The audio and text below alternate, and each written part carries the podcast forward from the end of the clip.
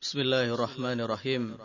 Syekh Mustafa Sibai dalam kitabnya Min Rawa'i Hadaratina.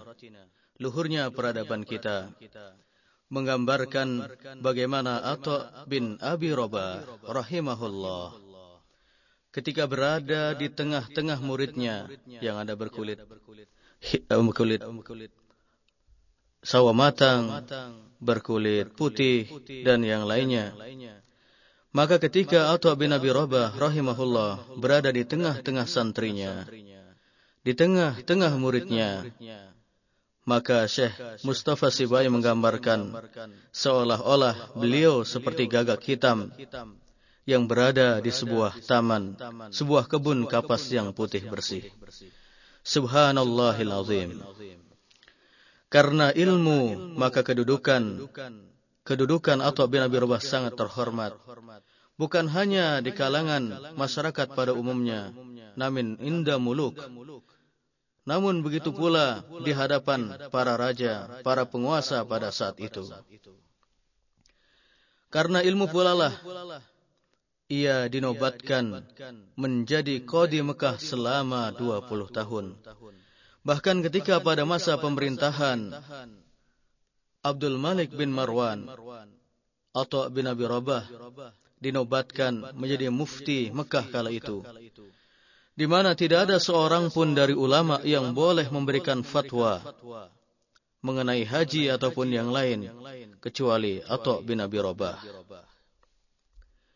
Maka benarlah apa yang pernah dikatakan oleh Syekh Sufyan Ibnu Uyainah rahimahullah Arfa'un nasi manzilatan inda Allah man kana baina Allah wa baina ibadih wa hum al-anbiya wal ulama Manusia yang paling tinggi derajatnya di sisi Allah Subhanahu wa taala adalah man kana baina Allah wa baina ibadih adalah orang yang di antara Allah dan antara hamba-hambanya. Wahum al-anbiya, para nabi. Wal ulama, begitu pula para ulama. Karena al-ulama warasatul anbiya. Para ulama adalah pewaris para nabi.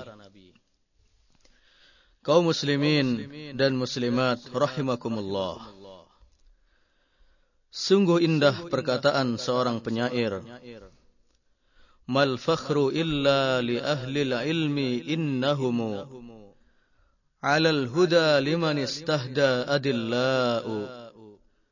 Wa qadru kulli imri'in ma kana yuhsinuhu.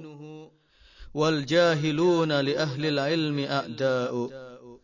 Fafus bi ilmin ta'ish hayyan bihi abada الناس موتى وأهل العلم أحياء ilmi ahya'u. Mal fakhru illa li ahlil ilmi innahumu. Alal. Tidak ada kebanggaan. Tidak ada kemuliaan. Illa li ahlil ilm. Kecuali para ahli ilmu. Lish. Innahum innahum 'alal huda liman istahda adillau. Karena mereka berada di atas jalan hidayah.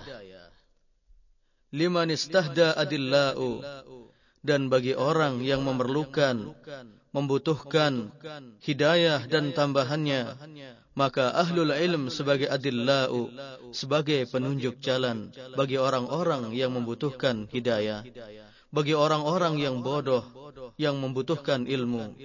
Bagi orang-orang yang tersesat yang membutuhkan jalan yang lurus.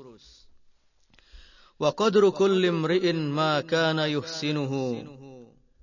Maka setiap manusia memberikan kadarnya memberikan derajatnya maka yuhsinuhu dengan hal yang sangat baik yang sangat indah kepada ahlul ilm wal jahiluna li ahli ilmi a'da'u. Akan tetapi orang-orang yang bodoh orang-orang yang jahil li ahli ilmi a'da'u. Mereka memusuhi ahlul ilm. Maka kalau kita melihat bagaimana dalam sejarah umat Islam bagaimana Rasulullah sallallahu alaihi wasallam dan juga para sahabat yang mereka adalah ahlul ilm mereka dimusuhi oleh kuffar Quraisy orang-orang yang jauh dari hidayah Allah Subhanahu wa taala.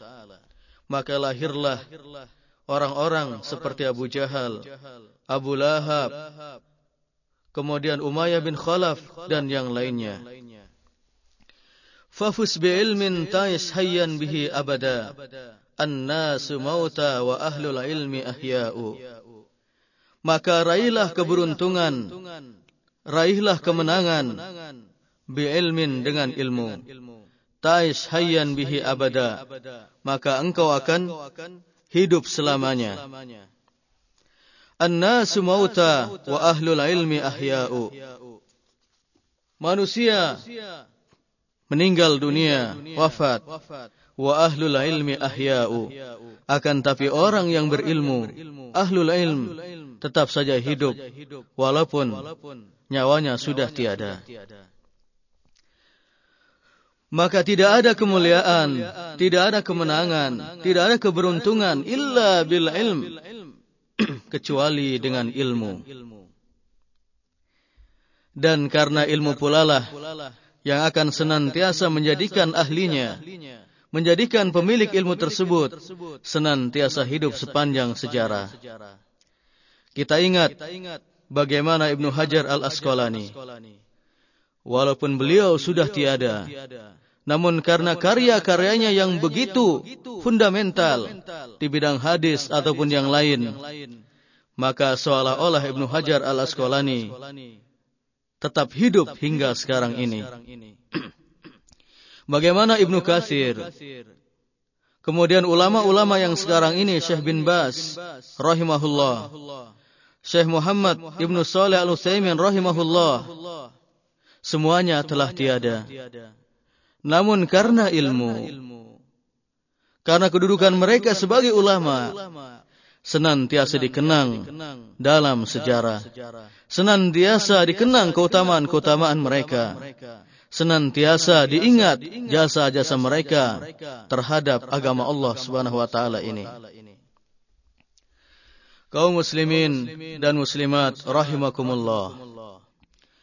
Kemudian yang kelima, di antara ayat Al-Quran yang menjadi dasar tentang keutamaan ilmu dan ulama adalah firman Allah Subhanahu wa taala. Di dalam surah Fatir Allah berfirman Innama yakhshallaha min ibadihi ulama Sesungguhnya hanya orang-orang yang berilmu yang takut kepada Allah Subhanahu wa taala. Innama yakhshallaha Sesungguhnya orang-orang yang hanya takut kepada Allah min ibadihi dari hamba-hambanya al ulama'u para ulama. Syekh Muhammad bin Saleh Al Utsaimin rahimahullah menjelaskan Ma makna khasyah? Apakah makna daripada khasyah dalam kalimat ini? Dalam ayat ini. Beliau menjelaskan al-khasyatu hiya al-khawfu al-makrunu bit-ta'zim. Adalah rasa takut yang diimbangi, yang diiringi dengan pengagungan, dengan penghormatan. Maka berarti al-khasyah fahiya akhassu min al-khawf. Berarti biarpun al-khasyah dan al-khawf sama-sama bermakna takut. Akan tetapi al-khasyah itu lebih khusus lagi daripada khawf. Fakullu khasyatin khawf. Walaysa kulla khawfin khasyah.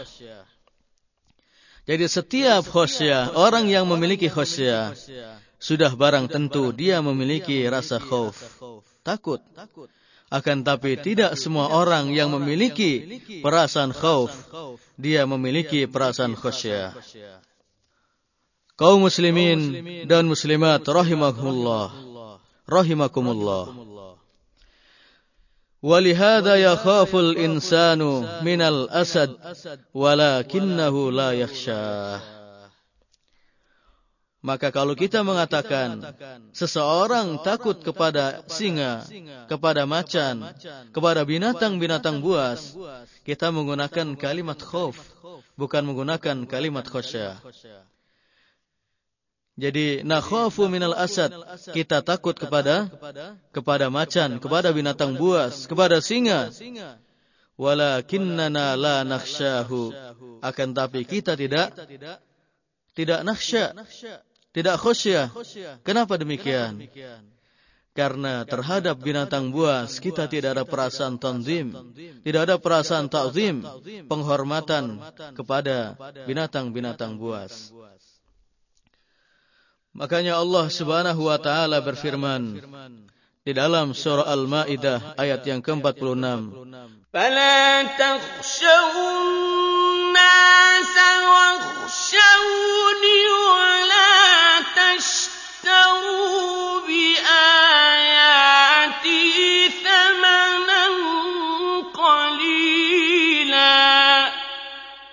maka oleh karena itu janganlah kalian takut kepada manusia akan tapi takutlah kepada Allah SWT.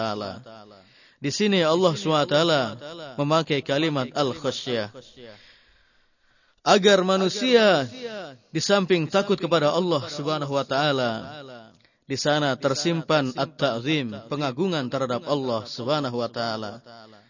Berarti bukan hanya sekadar takut, akan tapi takut yang diimbangi dengan at-ta'zim, pengagungan kepada Allah Subhanahu wa taala. Tapi pertanyaan kita selanjutnya adalah manhum ahlul khasyati haqqa? Pertanyaan kita adalah siapakah mereka yang disebut dengan orang-orang yang memiliki khasyah dengan sejatinya, dengan sebenarnya. Maka jawabannya adalah ahlul khasyati hum al ulama. Jadi orang yang memiliki khasyah, merasa memiliki perasaan takut yang di dalamnya terkandung takzim pengagungan kepada Allah Subhanahu wa taala, humul ulama adalah para ulama, orang-orang yang berilmu. Maka manusia yang diberi taufik oleh Allah Subhanahu wa taala memiliki perasaan al-khasyah, takut yang diimbangi dengan pengagungan kepada Allah Subhanahu wa taala. Maka dia akan terhindar dari dosa dan kesalahan. Dan apabila pada suatu saat dia terjebur dalam dosa dan maksiat, maka pada saat itu pula dia mengiringnya dengan istighfar dan bertaubat kepada Allah Subhanahu wa taala. Itulah seseorang yang memiliki sifat khasyatullah, yang memiliki perasaan takut kepada Allah Subhanahu wa taala yang diimbangi dengan ta'zim kepada Allah Subhanahu wa taala. Berkata salah seorang sahabat yang bernama Abdullah bin Mas'ud radhiyallahu an, "Kafa bi khasyatillahi ilma wa kafa bil ihtirari billahi jahla." Cukuplah orang yang memiliki perasaan khasyah takut dengan mengagungkan Allah Subhanahu wa taala sebagai seorang yang berilmu. Dan cukuplah orang yang senantiasa membanggakan diri di hadapan Allah Subhanahu wa taala, yang senantiasa membusungkan dada di hadapan manusia disebut sebagai orang-orang yang jahil. Berkata Ibnu Taimiyah rahimahullah, "Inna kulla asin lillahi jahilun." Bahwasanya setiap orang yang bermaksiat kepada Allah Subhanahu wa taala pada hakikatnya dia adalah seorang yang jahil.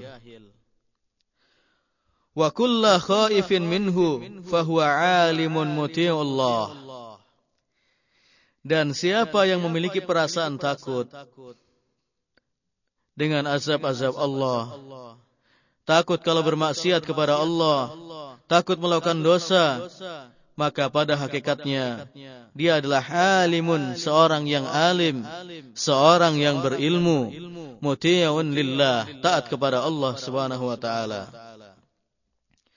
Wa inna ma yakunu jahilan linaksi khaufihi min Allah.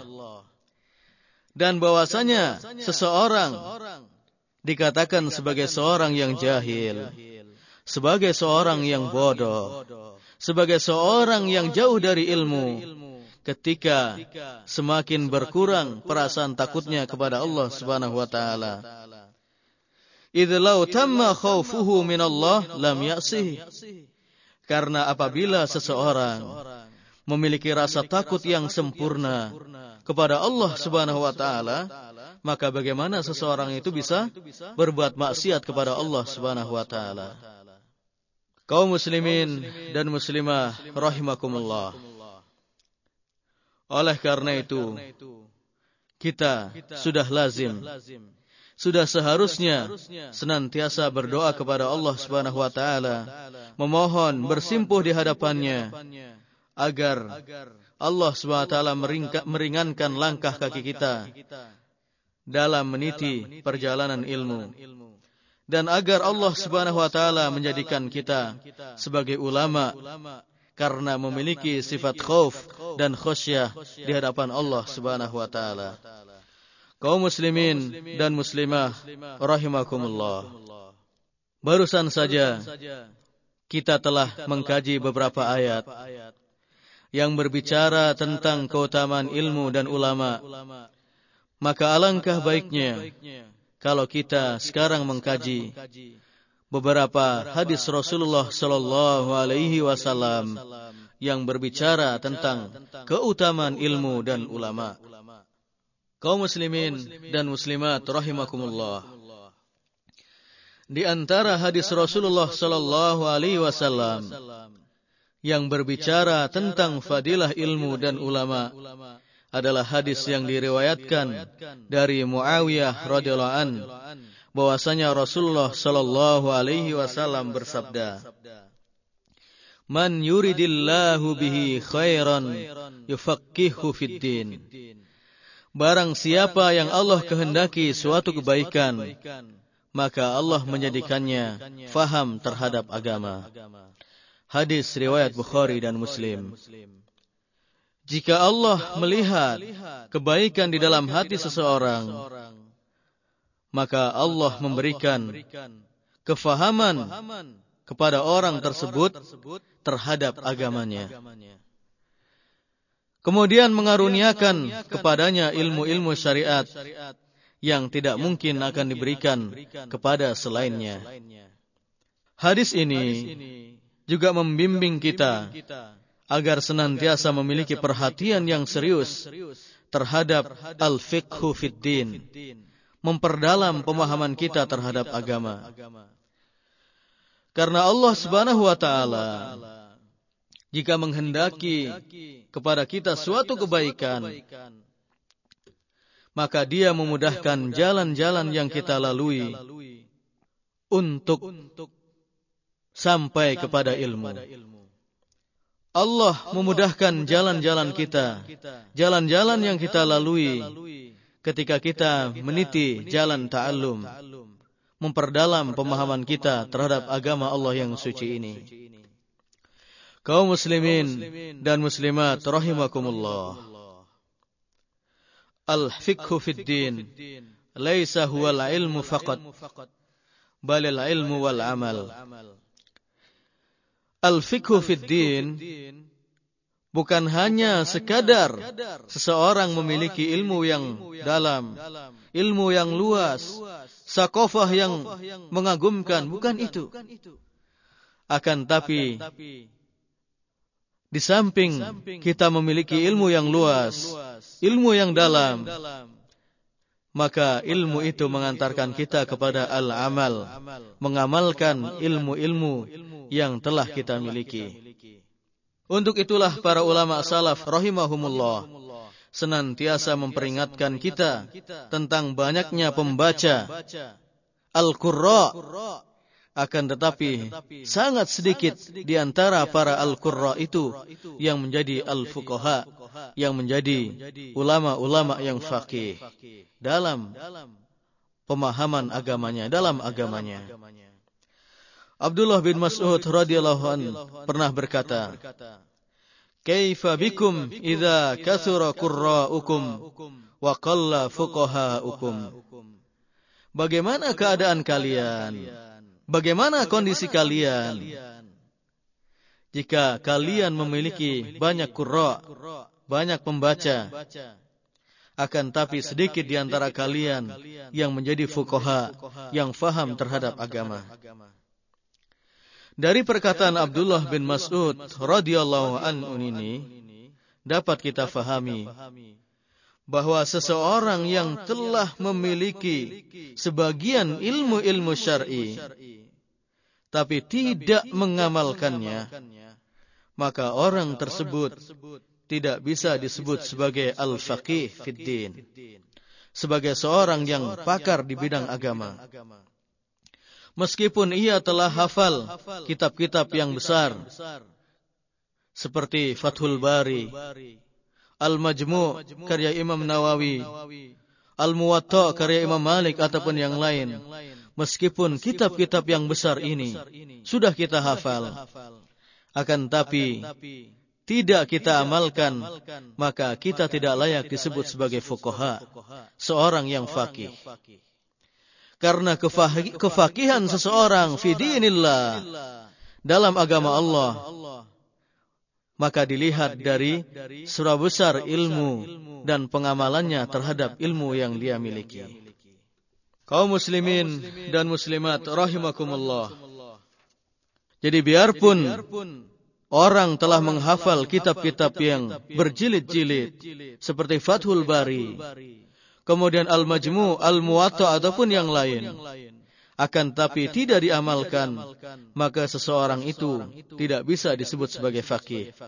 Tapi hanya sekedar al-qari, orang yang membaca.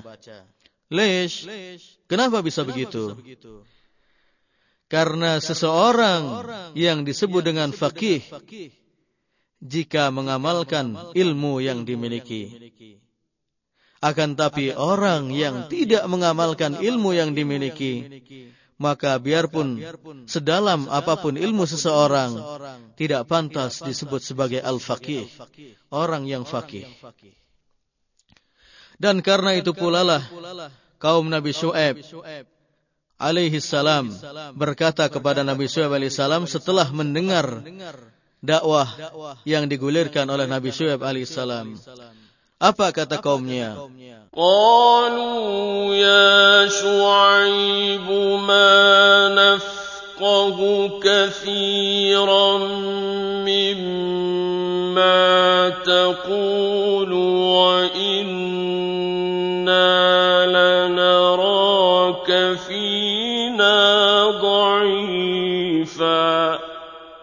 Kami tidak mengerti banyak apa yang kamu sampaikan. Surah Hud ayat 91. Kaum muslimin dan muslimat rahimakumullah. Mengapa bisa demikian? Karena mereka menghalangi kebaikan dalam hati mereka. Ma nafkahu kathiran mimma takul karena mereka menghalangi sendiri kebaikan yang ada pada diri mereka. Kaum muslimin dan muslimat rahimakumullah. Marilah kita tingkatkan perhatian kita terhadap ilmu-ilmu syariat dan komitmen kita untuk mengamalkan ilmu yang telah kita pelajari hingga Allah Subhanahu wa taala mengaruniakan kita kebaikan-kebaikan dalam hidup kita fid dunya wal akhirah di dunia dan di akhirat. Kita memohon kepada Allah Subhanahu wa taala agar menjadikan kita sebagai seorang yang faqih, sebagai seorang yang faqih dalam agama kita. Mengamalkan, mengajarkan, serta bermanfaat ilmu kita bagi diri kita sendiri, juga bagi orang lain kaum muslimin dan muslimat rahimakumullah. Kemudian hadis yang kedua yang perlu kita kaji. tentang keutamaan ilmu dan ulama adalah hadis yang diriwayatkan oleh Abu Hurairah radhiyallahu an bahwasanya Rasulullah sallallahu alaihi wasallam pernah bersabda Man salaka tariqan yaltamisu fihi ilman sahhalallahu lahu bihi tariqan ilal jannah. Barang siapa yang berjalan untuk mencari ilmu sahhalallahu lahu bihi tariqan ilal jannah maka Allah akan memudahkan langkah kakinya menuju ke sorga. Hadis riwayat Muslim. Syekh Muhammad Ibn Salih Al-Utsaimin rahimahullah menjelaskan bahwa jalan ilmu at-tariq atau tariqul ilm terbagi menjadi dua. Yang pertama adalah at-tariq al-hissi, jalan yang tampak yaitu jalan tempat kaki kita mengayunkan langkah. Seperti kita keluar dari rumah kita menuju ke masjid, ke madrasah, ke universitas, ataupun ke mana saja yang di sana ada majlis ilmu. Dan juga termasuk dalam at-tariq al-hissi, jalan yang tampak adalah ar-rihlatu ila talabil ilm kita mengadakan rehlah, mengadakan perjalanan jauh dalam rangka untuk menuntut ilmu. Sebagaimana yang telah dilakukan oleh Jabir bin Abdullah radhiyallahu an, salah seorang sahabat Rasulullah sallallahu alaihi wasallam yang sangat mulia. Beliau meninggalkan Madinah menuju ke sebuah tempat, ke sebuah daerah yang menghabiskan waktu satu bulan dengan menggunakan unta dalam rangka untuk mencari hadis ataupun mengambil hadis dari Abdullah bin Unais radhiyallahu an. Hanya satu hadis. Tapi Jabir bin Abdullah radhiyallahu an rela mengadakan perjalanan selama satu bulan penuh. Kaum muslimin dan muslimat rahimakumullah. Kemudian yang kedua adalah at-tariq al-maknawi, jalan yang tidak terlihat. Jalan yang bersifat maknawi. Maksudnya adalah kita mengkaji ilmu dari lisan para ulama, dari sumber kitab-kitab yang asasi yang merupakan karya dari para ulama kita mengkaji dari seorang syekh atau dari kitab tertentu tentang permasalahan agama kita. Maka meskipun kita hanya duduk-duduk di kursi kita, kita sudah termasuk man salaka tariqan yaltamisu fihi ilma. Kita sudah meniti perjalanan ilmu. Siapa yang melakukan perjalanan ilmu, Allah Subhanahu wa taala akan memudahkan baginya jalan menuju surga. Karena dengan ilmu syar'i seseorang dapat mengetahui hukum-hukum yang telah Allah turunkan. Dengannya ia mengetahui syariat-syariat Allah. Dengan ilmu seseorang mengetahui perintah-perintah Allah terhadap dirinya. Dengan ilmu pula seseorang mengetahui apa-apa yang dilarang oleh Allah subhanahu wa ta'ala terhadap dirinya. Sehingga dengan ilmu pula, dia bisa sampai kepada keridhaan Allah subhanahu wa ta'ala. Dan apabila Allah sudah ridho dengan dirinya, maka otomatis al-jannah dapat dia gapai. Surganya Allah yang seluas langit dan bumi dapat diraih. Maka semakin bertambah perhatian kita terhadap jalan yang menyampaikan kita kepada ilmu, maka akan semakin terbentang luas jalan-jalan kita, jalan di hadapan kita yang akan mengantarkan kita kepada surga Allah Subhanahu wa taala. Kaum muslimin dan muslimat rahimakumullah. Kemudian hadis yang ketiga yang berbicara tentang keutamaan ilmu dan ulama adalah hadis yang diriwayatkan oleh Abi Umamah Al-Bakhili bahwasanya Rasulullah Shallallahu alaihi wasallam pernah bersabda Fadlul alimi 'ala al-'abidi kafadli 'ala adnakum. Keutamaan seorang yang berilmu, seorang yang alim atas orang yang ahli ibadah adalah seperti keutamaanku kata Rasulullah sallallahu alaihi wasallam atas orang yang paling rendah di antara kalian. Dari hadis ini, kaum muslimin dan muslimat rahimakumullah menjadi jelas di hadapan kita bagaimana orang yang berilmu dengan orang yang ahli ibadah, bagaimana perbedaan mereka. Ternyata sangatlah jauh. Orang yang berilmu di sini digambarkan fadilahnya seperti Rasulullah Shallallahu Alaihi Wasallam. Sedangkan orang yang tidak berilmu tapi dia ahli ibadah, maka digambarkan orang yang paling rendah keimanannya di kalangan para sahabat. Alangkah jauhnya perbedaan Alangkah jauhnya jarak antara Rasulullah Sallallahu Alaihi Wasallam dengan generasi yang terburuk pada masanya, pada masa Rasulullah Sallallahu Alaihi Wasallam. Kemudian Rasulullah Sallallahu Alaihi Wasallam juga menjelaskan kembali, Inna Allah wa malaikatahu wa ahlas samawati wal ard hatta namlata fi juhriha hatta al-huta la yusalluna ala muallimil muallimin nas al-khair Sesungguhnya Allah Subhanahu wa taala dan malaikat-malaikatnya penghuni langit dan bumi hatta semut-semut mungil di lubang-lubangnya dan hatta uh, ikan hiu di lautan semuanya memberikan salawat kepada orang yang mengajarkan kebaikan kepada manusia. Kaum muslimin dan muslimat rahimakumullah. Ini juga merupakan fadilah daripada ilmu dan ulama.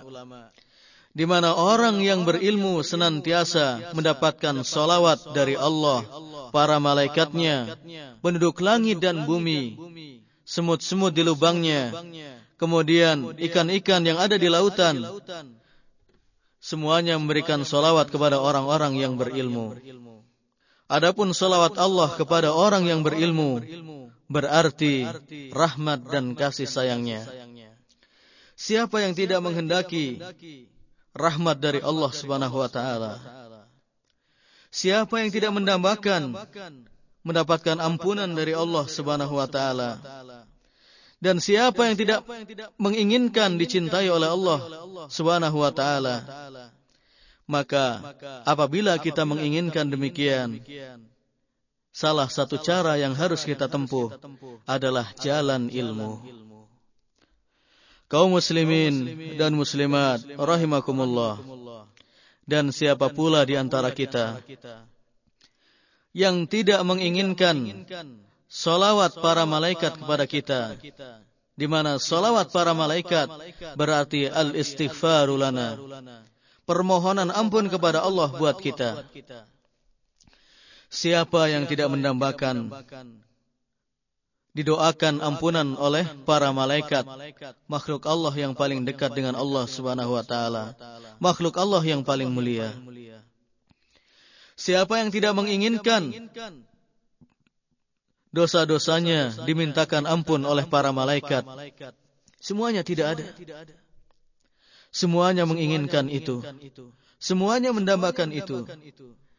Dan segala keinginan dan dambaan kita bisa terrealisir dengan kita menuntut ilmu dan mengajarkan ilmu kita kepada manusia. Wa ahlas samawati wal ard. Kemudian siapa yang tidak ingin didoakan oleh penduduk langit dan bumi. Siapa yang tidak menginginkan didoakan oleh seluruh manusia, seluruh makhluk Allah Subhanahu wa taala. Diluaskan rezeki kita, dilapangkan jodoh kita, dimudahkan segala urusan kita, maka segala keinginan-keinginan itu dapat terwujudkan dengan kita menuntut ilmu, kemudian mengajarkan ilmu itu kepada orang lain. Kemudian Rasulullah Shallallahu Alaihi Wasallam menyebut di sini an-namlah semut, kemudian al-hud ikan-ikan di lautan. Ini menggambarkan bahwa seluruh binatang yang ada di daratan dan seluruh binatang-binatang yang ada di lautan. Semuanya juga mendoakan orang-orang yang berilmu, mendoakan orang-orang yang mengajarkan ilmunya kepada orang lain. Kaum muslimin dan muslimat rahimakumullah. Maka alangkah mulianya orang-orang yang berilmu itu yang senantiasa mendapat rahmat Allah Subhanahu wa taala yang senantiasa didoakan ampunan oleh para malaikat yang senantiasa didoakan oleh penduduk langit dan bumi senantiasa didoakan oleh binatang-binatang yang ada di daratan dan di lautan itu semuanya diraih oleh orang-orang yang berilmu. Kaum muslimin dan muslimat rahimakumullah. Kemudian di antara manfaat dari hadis ini adalah talabul ilmi az-zaidi 'anil wajib afdalu minal ibadat an-nafilat. Kita menuntut ilmu atau memperbanyak menuntut ilmu lebih baik dari solat-solat sunnah yang kita lakukan. Mengapa bisa demikian? Li'annal li'annal ibadah karena ibadah yaktasiru naf'uha ala fa'iliha. Karena ibadah yang kita lakukan itu hanya bermanfaat bagi kita saja. Akan tetapi al ilmu ya'ummu naf'ahu al fa'il wa ghairuh tapi orang yang berilmu, manfaatnya bukan hanya dirasakan bagi dirinya sendiri, tapi juga dirasakan bagi orang lain. Dirasakan oleh orang lain. Kaum muslimin dan muslimat, rahimakumullah. Mudah-mudahan Allah Subhanahu wa taala menjadikan kita sebagai orang yang senantiasa memiliki keinginan yang kuat, memiliki azam yang tangguh, memiliki niat yang lurus dalam menuntut ilmu. Tidak pernah lelah, tidak pernah merasa capek, tidak pernah merasa berputus asa dalam meniti perjalanan ilmu.